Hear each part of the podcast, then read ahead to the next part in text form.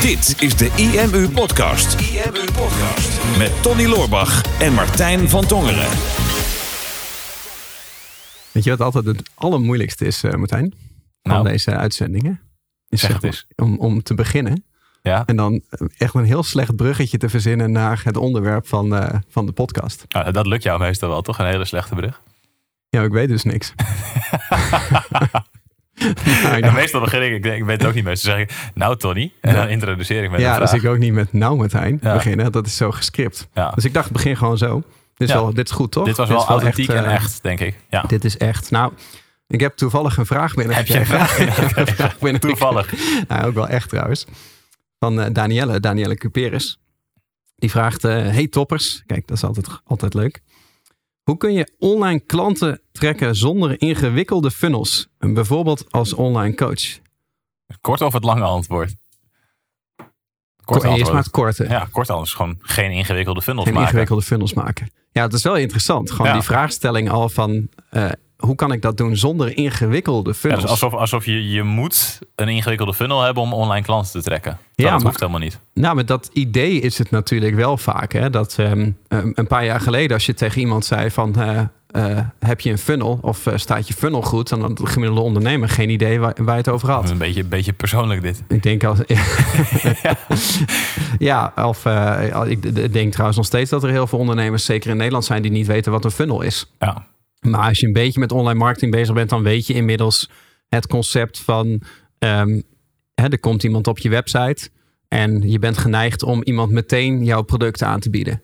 Hè, want, want je wil eigenlijk, eh, je bent trots op je product... en je wil dat mensen het kopen. En je bent bang dat ze misschien jouw product niet zien. Dus je begint eigenlijk meteen met, met het afvuren van je product. Mhm. En een beetje ondernemer weet dat het vaak nuttiger is om mensen eerst iets gratis te geven en om een band op te gaan bouwen. Hè? Dus om, om waardevolle e-mails te gaan sturen, waardevolle informatie te gaan sturen. En dan iemand eigenlijk van binnenkomst naar uiteindelijk het product te leiden. En, en dat is dus een funnel. ja. Ehm, en die kan zo kort en zo lang zijn als dat je wil. En zo simpel en zo ingewikkeld als dat je wil. Alleen omdat er steeds meer marketeers komen die uitleggen hoe hun funnels werken. En ze steeds geavanceerder worden. Hè, met, Sorry. met- ja, jij bent bijvoorbeeld zo iemand die mensen het opzitten in de aaien daarover. Mhm. Daarom denken mensen dat je als je een funnel wil hebben, dat je een hele ingewikkelde funnel moet bouwen. Ja. Dat is natuurlijk niet zo. Nee, dat, dat is helemaal niet zo. Sterker nog, als jij een product hebt ehm, en dat is, een, dat is gewoon tastbaar. Mhm. Ehm, bijvoorbeeld in ons geval, hè, we hebben een SEO-cursus. Als, iemand, als wij verkopen een SEO-cursus en stel iemand googelt op SEO-cursus kopen. Mhm. Dan willen we hem niet een funnel instoppen met een gratis weggever en heel veel waardevolle e-mails om daarna die cursus te verkopen. Want iemand was al op zoek naar een SEO-cursus die hij wilde aanschaffen. In dat geval wil je hem het liefst meteen naar je verkooppagina toe sturen, waarop je dan meteen eh, over kan gaan tot aankoop. Mhm. En er is altijd een percentage bezoekers wat meteen geïnteresseerd kan zijn in, jou, in jouw product. En die wil je graag je product laten zien. Maar er is natuurlijk veel meer massa eh, die nog oriënterend is. ehm, die weten dat ze een probleem hebben, maar niet weten dat er een oplossing is. Er zijn ook mensen zoals die niet weten dat ze een probleem hebben. En dan is het helemaal te snel natuurlijk om een product eh, aan te bieden. En dan wil je dus met die tussenstap gaan werken van een funnel. En, en hoe ik het altijd uitleg is, je hebt een, het eindpunt van je funnel. Dat is uiteindelijk jouw product of je coaching of een offerteaanvraag. Um, iets wat jij wil bereiken op je website. Dat mensen een aanschaf doen of een formulier invullen. En je hebt het beginpunt van je funnel. En dat is waar je mensen laat binnenkomen. Dus bijvoorbeeld met een gratis weggever of zo. En jouw funnel, dat is dan de brug tussen dat begin en het eindpunt. Dus dat zorgt ervoor dat mensen ehm, jou leren kennen. Jou gaan vertrouwen. ehm, weten dat jij de expert bent op dat gebied. Ehm, en uiteindelijk iets hebben wat je, wat je wil creëren binnen zo'n funnel. Is eigenlijk dat ze voordat ze bij dat eindpunt komen. Voordat ze het product kunnen kopen. Dat ze eigenlijk hebben besloten ik wil iets van deze persoon of van dit bedrijf wil ik iets gaan aanschaffen. Dan Mhm. heb je nog echt een hele goede funnel staan. Mhm. En het grappige in die vraagstelling is van hoe kan ik dat doen zonder een ingewikkelde funnel te maken? Ik denk bij, bij, bij de IMU hebben wij zeven jaar lang hebben wij een hele simpele funnel gehad Ja, eigenlijk. je mag eigenlijk niet eens een funnel noemen. Nee, ja, ja, een reeks met mailtjes, een autoresponder is het eigenlijk. Ja. Nou ja, maar kijk, hè, wat je zegt, het proces van die SEO-cursus is in principe ook een, een funnel. Hè, Een funnel is gewoon hè, het, het trechterprincipe van hè, je bereikt heel veel mensen en de bovenkant is alleen maar ja, awareness. Je hebt er niet echt een Nederlands woord voor, hè, maar ja, eh, zichtbaarheid. Hè, dus, Mhm. dus dat mensen in contact komen met jouw boodschap. En, eh, en vervolgens eh, een aantal mensen haken af, maar de mensen die geïnteresseerd zijn, die gaan die, die trechter in. Hè, van, uh, gewoon puur en alleen uh, informatie naar uh, iets meer dat je een behoefte aan het opwekken bent, naar uiteindelijk steeds verder naar uiteindelijk de onderkant van die funnel. En dat is vaak het moment van de verkoop. En dat kan zo kort zijn als één pagina. Hè? Want als iemand nu googelt op SEO-cursus en ze komen op één pagina waarop een SEO-cursus wordt verkocht, dan staat meestal die bestelknop van die SEO-cursus ook niet bovenaan de pagina. Nee, zeker niet. Nee. Kan wel, maar heel vaak staat die onderaan. En dan is de pagina eigenlijk een funnel, hè, waar je gewoon eerst de aandacht van al je bezoekers pakt. En naarmate je mensen verder meeneemt in het proces en er meer over vertelt, zul je zien dat er meer mensen afhaken. Um, maar de meest kwalitatieve percentage van je bezoekers, dat gaat uiteindelijk over tot, uh, tot aankoop. Ja. En idealiter hou je het, het, het uh, pad van, van bezoek naar koop, hou je ook zo kort mogelijk. Dus het liefste gewoon een bezoeker die op één advertentie klikt um, en die dan op één salespage komt en die meteen een bestelling plaatst. Als dat werkt, dan moet je echt niet aan een funnel gaan beginnen. En als dat werkt, dan heb je echt een, dan heb je echt een geldprintmachine gebouwd. Als jij gewoon uh, betaalt voor een klik op je advertentie. En die bezoekers die kopen allemaal volgens jouw product. En dat is, er gaat een tientje in en er komen twee tientjes uit. Ja, dan wil je het liefst dat tientje zo vaak mogelijk uitgeven. Alleen wat er in de praktijk vaak gebeurt, is dat die conversie gewoon tegenvalt. Dat je gewoon um, te weinig geld overhoudt aan die bezoekers. En dat uh, misschien maar 2% van je bezoekers daadwerkelijk iets gaat kopen. Hè? Dat is een beetje het landelijk gemiddelde. En dan verlies je dus 98% van je bezoekers. En dan komt er meestal iets tussen. Um, maar dan moet je wel doelhelder hebben van als die mensen zich dan aanmelden, wat wil ik dan, wat wil ik dan met die mensen? En in eerste instantie wil je gewoon dat ze jouw product gaan kopen. Hè? Dus ja. dan maak je eigenlijk een pad van, nou, je geeft waardevolle informatie die hoort bij het product. Zodat mensen eerst iets van je hebben gezien wat je te bieden hebt. Dat ze vertrouwen in je krijgen. Dat ze al een sneak preview hebben gehad. Dat je ze al een keer geholpen hebt. En dat mensen echt denken van, um, als de gratis informatie al zo waardevol is, wat krijg ik dan wel niet als ik betaal? Dat, dat wil je eigenlijk hebben. En als je dat hebt staan, dan wordt het ingewikkelder. Um, want dan kan je gaan segmenteren uh, met verschillende klantgroepen en verschillende dagen en um, uh, verschillende soorten funnels hè, met verschillende soorten informatie. En ook andere doelen. Als iemand bijvoorbeeld in onze funnel komt, klinkt ook heel raar, hè? komt in mijn funnel. Ja. Um, niet dat je daarvan was, maar... Nee, maar dan, dan vragen wij natuurlijk ook verschillende dingen. Want um, iemand die bijvoorbeeld een e-book van ons downloadt... dus laten we zeggen, iemand zoekt op uh, SEO-tips... en die downloadt ons e-book winnen in Google. Dat hebben we al, al jaren, hebben we dat e-book, alleen we verbeteren hem steeds. Um, dan krijgen die mensen van ons eerst een pdf... Um, en uiteindelijk willen we graag dat ze ons SEO-product kopen. Hè? In dit geval Phoenix, onze software. Wij hebben daar allemaal tussenstappen tussen zitten. Hè? Dus we geven mensen eerst een, een PDF. Uh, vervolgens een video. Hè? Die heb jij gemaakt met, met SEO-hacks. Um, en zelfs als mensen het product niet kopen, dan hebben wij alsnog wel uh, views op onze video, waardoor die video weer beter gaat scoren. We vragen om uh, te abonneren op YouTube, hè, waardoor we ons kanaal weer groeit. Later sturen we nog een keer een podcast over SEO, waardoor we ook weer meer podcast uh, plays krijgen en podcast abonnees. Um, zo halen we al heel veel waarde uit die bezoekers voordat ze feitelijk bij het product kopen. Hè? Dus, dus een sale is niet altijd het enige doel van een funnel. Nee, klopt. Uh, gewoon het bouwen aan een, aan een publiek. Want hoeveel mensen hebben wij niet? We hebben een aantal afleveringen geleden nog over Elma. Die ooit een ja. keertje bij jou een webinar had gevolgd of iets had gedownload. En twee ja. jaar later pas klant werd. Dat kwam omdat ze veel gratis waardevolle informatie had gekregen. En mm-hmm. uiteindelijk toch het eindpunt van die funnel uh, heeft bereikt en iets heeft aangeschaft. Maar dat duurde langer dan wat jij voor ogen had. Ja, dus dat, dat helpt ook altijd door uh, vanuit die waarde te ondernemen en, en veel gratis informatie weg te geven, zodat mensen uiteindelijk toch van je willen kopen. En binnen Google is inderdaad het e-book we natuurlijk al jaren gebruiken. En dat is ook waarmee dus die eerste funnel uh, mm. online kwam. Dat was gewoon een, een gratis weggeven van het e-book. Um, het maakt niet uit op wat voor pagina je kwam. Hè? Of nou op een blog wat ging over SEO, of nou een blog dat ging over Facebook marketing, um, of een blog wat ging over social media. Je ging altijd gewoon naar naar het Winning Google e-book. Nou, dan, oh, je kijkt naar een blog over social media marketing, dan zal je vast ook hoger willen scoren in Google. Ja. Hè? Dat, dat was dan de, de beredenering. Mensen downloaden dat gratis e-book, kregen dan uh, één of twee dagen later het mailtje met: uh, heb je het e-book al gelezen? Om uh, eerste klik te krijgen, persoonlijke interactie op te wekken. Nou, dan weer een paar dagen later um, kwam er een, volgens mij een mailtje met woonkamerwijsheden. Want dat waren mm. toen video's die jij vanuit de woonkamer opnam. Um, dan nog een e-mailtje met wat gratis waardevolle informatie. En dan werd voor het eerst werd, um, werd iets gezegd over Phoenix, ons, uh, ons websitesysteem. Ja. Dat was de flow.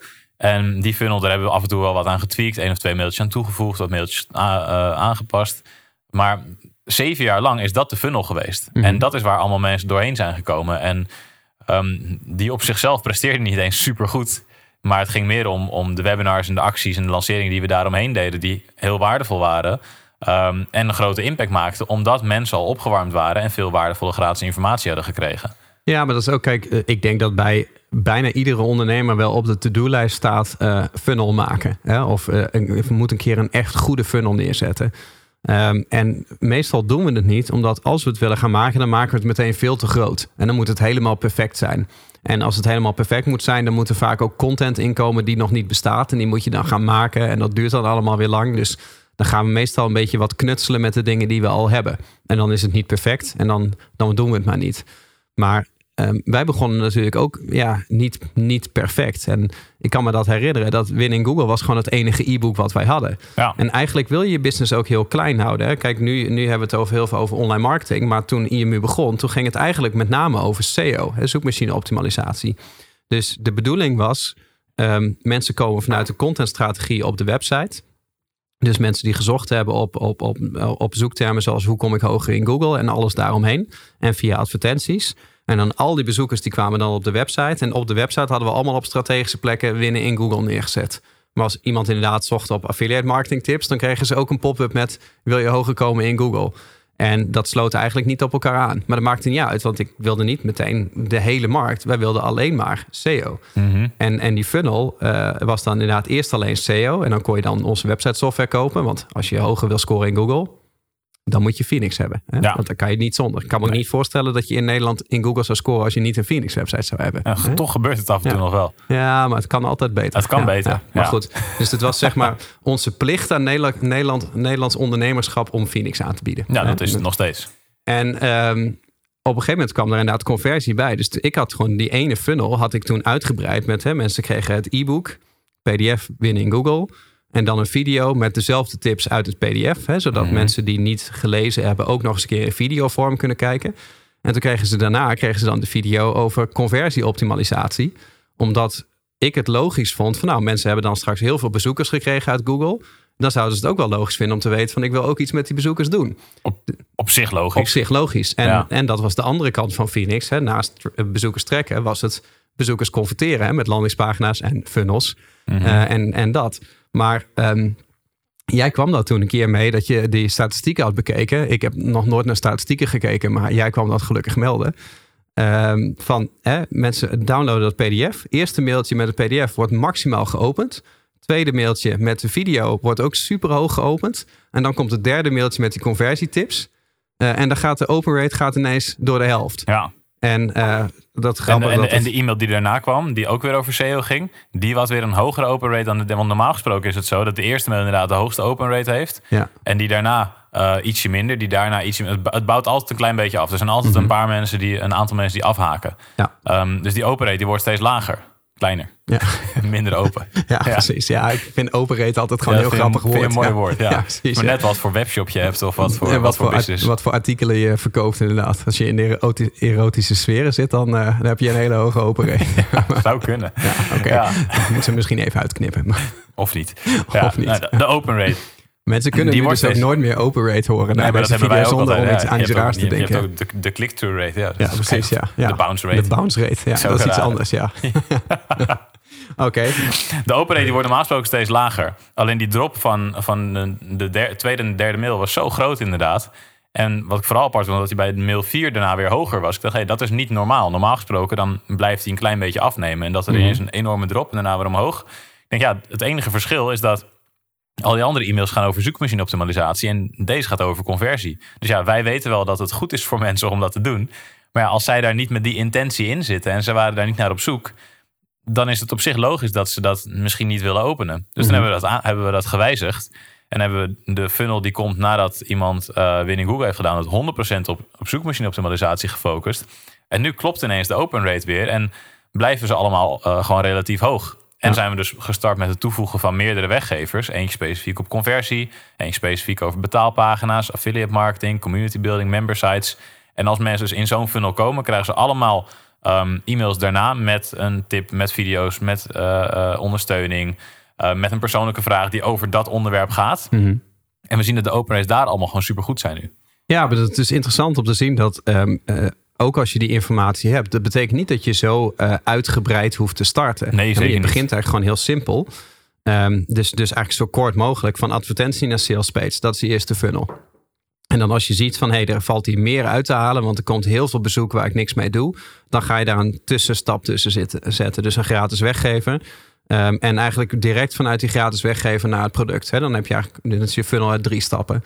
En als je dan gaat merken van oké, okay, uh, die mensen staan op mijn mailinglijst, die kan ik opwarmen, dan ga je daar een e-mail funnel tussen bouwen. Dus hè, stap voor stap uitbouwen. Mm -hmm. En wij hebben dan in eerste instantie gewoon een universele funnel voor iedereen. Want dat is beter dan helemaal geen funnel hebben. Dan heb je in ieder geval je primaire doelgroep op, jou, op jouw belangrijkste niche. In ons geval was dat dan SEO. Die heb je dan in ieder geval. En dan zit er een heleboel uh, ja, ruis omheen, zeg maar. Hè? Dus ook mensen die helemaal niet geïnteresseerd zijn in jouw product, die staan er dan ook bij. Um, maar dat geeft niet. Die kan je later wel weer gaan oppakken. En nu hebben we er volgens mij een stuk of zes e-books. Ja. SEO-conversie, affiliate marketing, member sites, community building en sales volgens mij. En um, we hebben het fysieke boek waar dan ook een funnel achter zit nu. Ja, dus nu ja. loopt het door elkaar heen. Maar nu is het zo dat als je nou gaat googlen op uh, affiliate marketing tips, dan kom je op IMU op een blog over affiliate marketing. En dan komt er een pop-upje in beeld met: hey, wil je een e-book hebben over affiliate marketing? En als je dat dan downloadt, dan krijg je een affiliate marketing PDF en dan een affiliate marketing video en dan een affiliate marketing podcast volgens mij en dan nog een keer een blog en dan een product over affiliate marketing. Affiliate marketing funnel moeten we nog maken, maar ja, dat, dat zou moeten. Maar dat zijn die andere vijf die lopen zo. Die Dit, andere uh, vijf lopen we zo. moeten ja. ook nog één funnel maken over uitstelgedrag, hè? Ja, maar die is ook niet af. Nee, morgen. die gaan we nog Die doen. we en nog één over perfectionisme. Die hebben we ook nog niet gemaakt. Nee. Nee, maar en zo, zo loopt dat. We hebben wel datzelfde format. Hè? Ja. Dus, dus multimediaal van PDF, video, podcast, blog, product. Mhm. Uh, case study zit er nog een keertje tussen. Zodat je mensen eigenlijk gewoon één en hetzelfde onderwerp op verschillende vormen duidelijk maakt. En dat je ze eigenlijk naar je product toe leidt, maar dat je ook andere dingen aan ze vraagt. Hè? Dus abonneren op YouTube, abonneren op je podcast.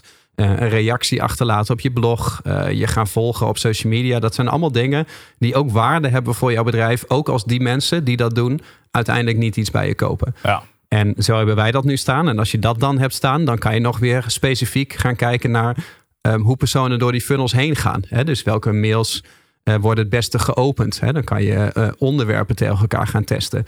Um, lange of korte mails tegen elkaar gaan testen. Hè? Werkt een video beter of werkt een audio beter of werkt een, een, een, blog of een pdf bijvoorbeeld beter? Hè? Of um, ja, jij bent daar nogal handig in als het over het segmenteren gaat. Ja, want, want het probleem, eh, dat zag je in deze vraagstelling van hoe kan ik, hoe kan ik dit nou bereiken zonder een ingewikkelde funnel te maken? Ik denk eigenlijk alles wat wij tot nu toe hebben besproken, Mm, is heel Is- ingewikkeld. Is, nou, is best wel simpel. Het is gewoon, Mm. je hebt een product en je hebt een weggever en daartussen stuur je een aantal e-mails. En dat principe hebben we dus zeven jaar lang hebben we dat ook bij de IMU gedaan. En pas daarna zijn we dat gaan aanpassen. En ik weet ook nog heel goed de periode waarin we dat deden. Want we deden toen een lancering. En die lancering die bestaat uit een aantal e-mails. Eh, die duurde dan een week volgens mij. En altijd vlak voor deadline, dan, dan barst het geweld altijd los. En we hadden Mhm. dan de dag voor de deadline hadden we een e-mail. Die hadden we al een aantal keer gebruikt, ook een aantal jaar daarvoor. Ehm, die werkte gewoon altijd supergoed. Die video werkte goed die in die e-mail zat. En we wisten dat als we die e-mail versturen, dan kwam er altijd heel veel verkoop uit. Hm. Eindresultaat van die lancering was dat het heel erg tegenviel. Ehm, en ik was toen net mede-eigenaar van de IMU, weet ik ook nog. Ah, ja, dus toen ging het ineens om je eigen ging er portemonnee. ineens om mijn eigen portemonnee. Ja, wat is toch- dit nou? Toch maar eens innoveren. Ja, ik had, ik had, eh, we hebben aandelen gekocht en dan valt het ineens heel erg tegen. Ja, dat wil je natuurlijk niet. Precies, ja. ja ik, vond, ik vond het wel weer een stukje karma, maar goed. Ja, precies. dus ik denk, ja, we gaan even kijken, waar komt dat dan door? Ik denk, hoe kan het nou dat de e-mail altijd supergoed heeft gepresteerd... en dat er nu bijna geen verkoop uitkomen? Ik denk, ja, die video is exact hetzelfde. De, de, de volgorde was exact hetzelfde. En toen zag ik dat precies die e-mail een open rate... ja, daar is die weer, van 8,96% had. En normaal gesproken zijn e-mails van een lancering... tussen de 20 en 30%. Mhm. En het resultaat van die lancering viel, was dus bijna de helft ook minder dan vorige keer. Maar ik denk, ja, dat is ook logisch als minder dan de helft van de mensen het gezien hebben. Ja. En toen dacht ik, van, oké, shit, nu moeten we eh, wat stappen gaan maken in het beter eh, presteer, laten presteren van onze e-maillijst. Mhm. En toen zijn we overgestapt naar Mailblue. Eh, en dat is een Nederlandse reseller van Active Campaign. En daar kon ik, kon ik, de eerste truc die ik deed met segmenteren, dat was dat ik een e-mail die eh, we al verzonden hadden, maar nog niet geopend was door, door een gedeelte van de lijst, kon ik de e-mail opnieuw sturen naar alleen de mensen die hem nog niet geopend hadden. Ja. Met eventueel een andere onderwerpregel. En op het moment dat ik dat deed, verdubbelde ik de open rate. Ja. Dus mensen ontvangen s'morgens een e-mail beslissen of hem wel of niet openen. Nou, heel veel mensen openen hem niet. En dan dezelfde avond stuur ik exact hetzelfde mailtje nog een keer. En ineens openen heel veel mensen hem wel. Ja, onbegrijpelijk. We- We, Onbegrijpelijk. doen dat heel vaak, maar ik begrijp dat nog steeds niet. Nou ja, er zijn heel veel mensen die hebben een mailbox met honderden e-mails. Ja, dat, dat begrijp ik ook niet, want ik heb mijn inbox die moet leeg zijn. Ja. Een soort van to-do-lijst. Mhm. Ik denk dat het daardoor komt. Maar Ja, ja, mijn e-mails moeten in ieder geval op gelezen staan. Maar dat, eh, maar dat werkt. Dus we hebben mensen dus gewoon een e-mail van ons. Die staat dan op ongelezen. En dan krijgen ze later op de dag nog een e-mail met het- hetzelfde e-mail met een on- ander onderwerp. Ja. En die openen ze dan wel. Onbegrijpelijk, maar het werkt elke keer. precies. En, en dat was de eerste stap in segmentatie die we toen maakten. En de lancering daarna deed het ook meteen vele malen beter. Mhm. Ik denk, ja, dat is een stap die je heel snel kan maken. Maar dat, dat deden we dus pas na zeven jaar al gewerkt hebben met funnels en, eh, en lanceringen. En weten dus dat er data is. Mhm. Want je kan wel meteen een hele ingewikkelde funnel maken. Maar als er vijf mensen door jouw funnel heen gaan, Ja. dan is dat veel te vroeg en veel te snel. Je hebt in ieder geval wat, wat data nodig. Je hebt, eigenlijk, eigenlijk moeten er gewoon al duizend mensen doorheen zijn gegaan door een standaard flow zonder hele ingewikkelde dingetjes. Zodat je in ieder geval weet van oké, nou deze e-mail die wordt gemiddeld zoveel geopend, deze wordt zoveel geopend. En daarna ga je pas aan de slag met oké, wat wil ik nou doen als iemand deze mail heeft gekregen, maar hem niet heeft geopend? Wil ik dan misschien eh, die e-mail opnieuw gaan sturen na een dag of na een avond? Mhm.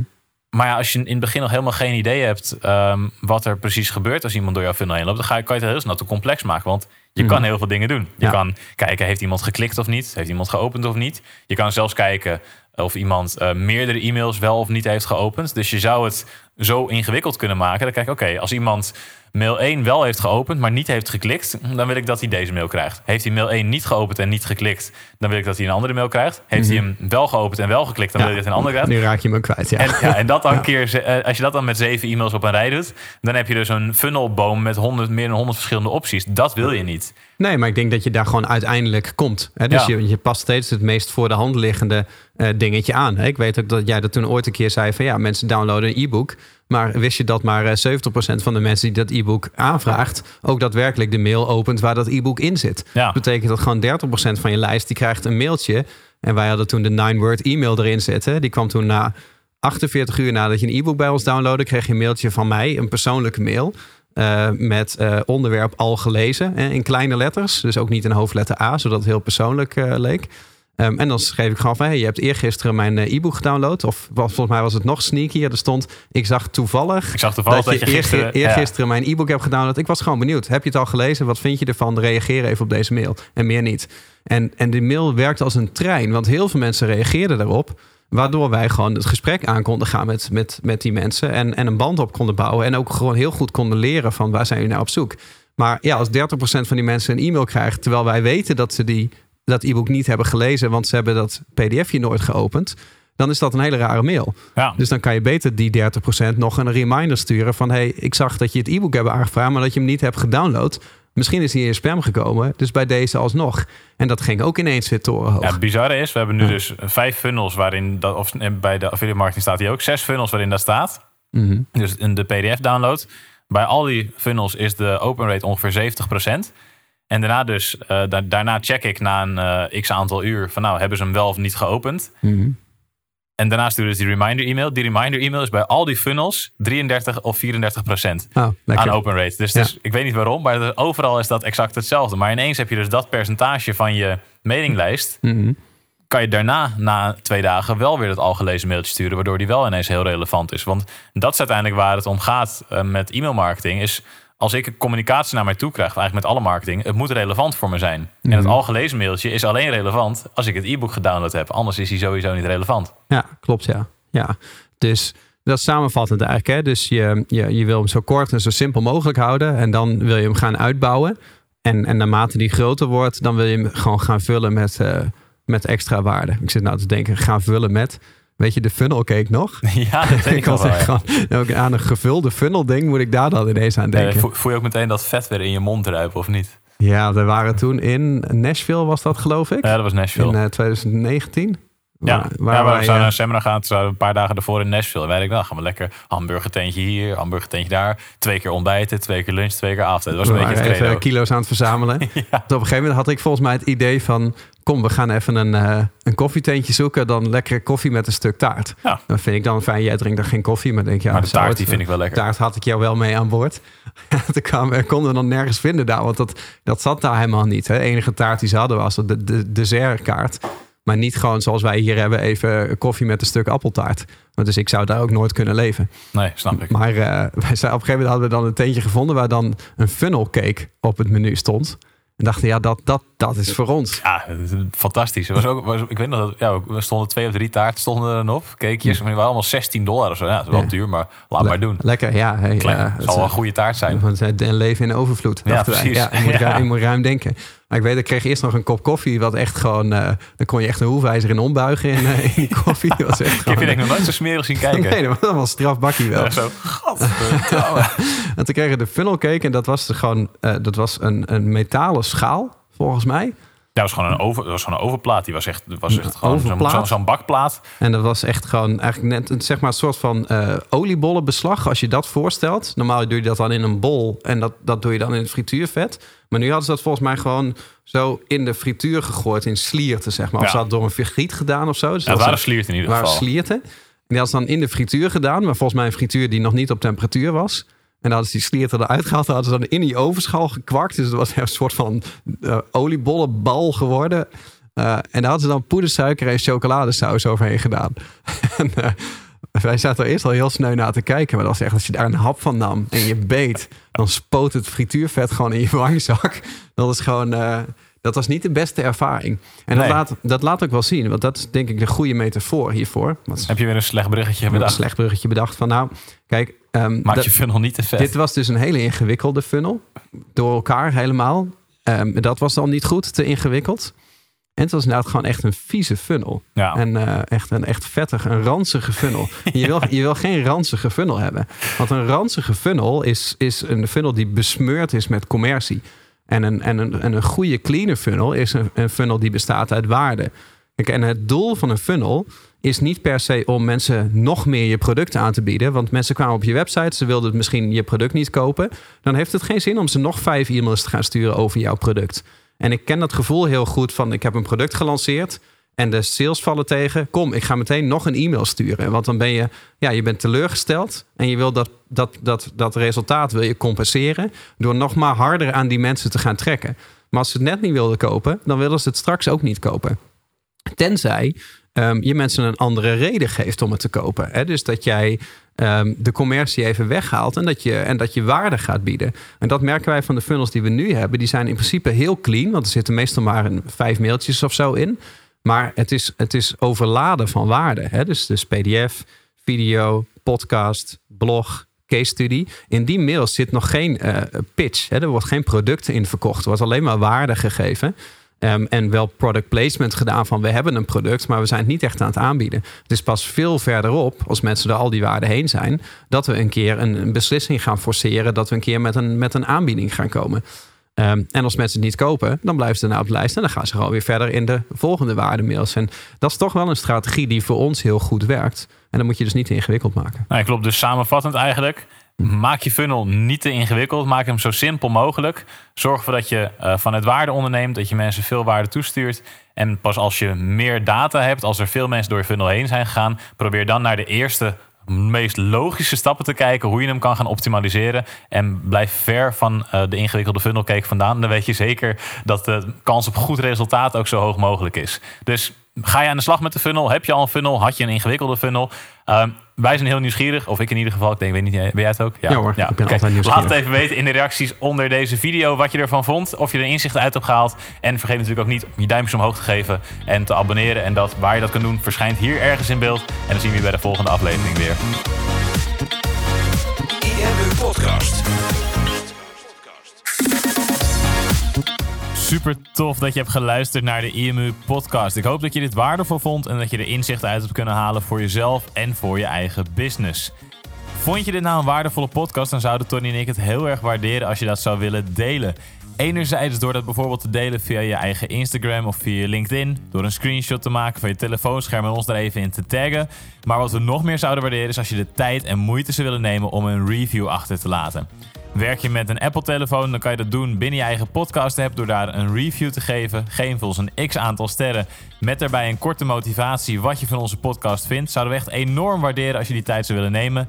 En werk je met een Android-telefoon, dan zie je dat, daar, eh, dat de meeste apps geen review-mogelijkheid hebben. Wat we dan heel erg zouden waarderen is als je op Google IMU zou willen intypen en vervolgens via de Google Review-sectie iets zou willen vertellen over de IMU, wat je van ons vindt en wat je aan onze podcast hebt gehad. Alvast heel erg bedankt en ik hoop natuurlijk dat we je volgende week weer mogen verblijden met een volgende aflevering van de IMU-podcast.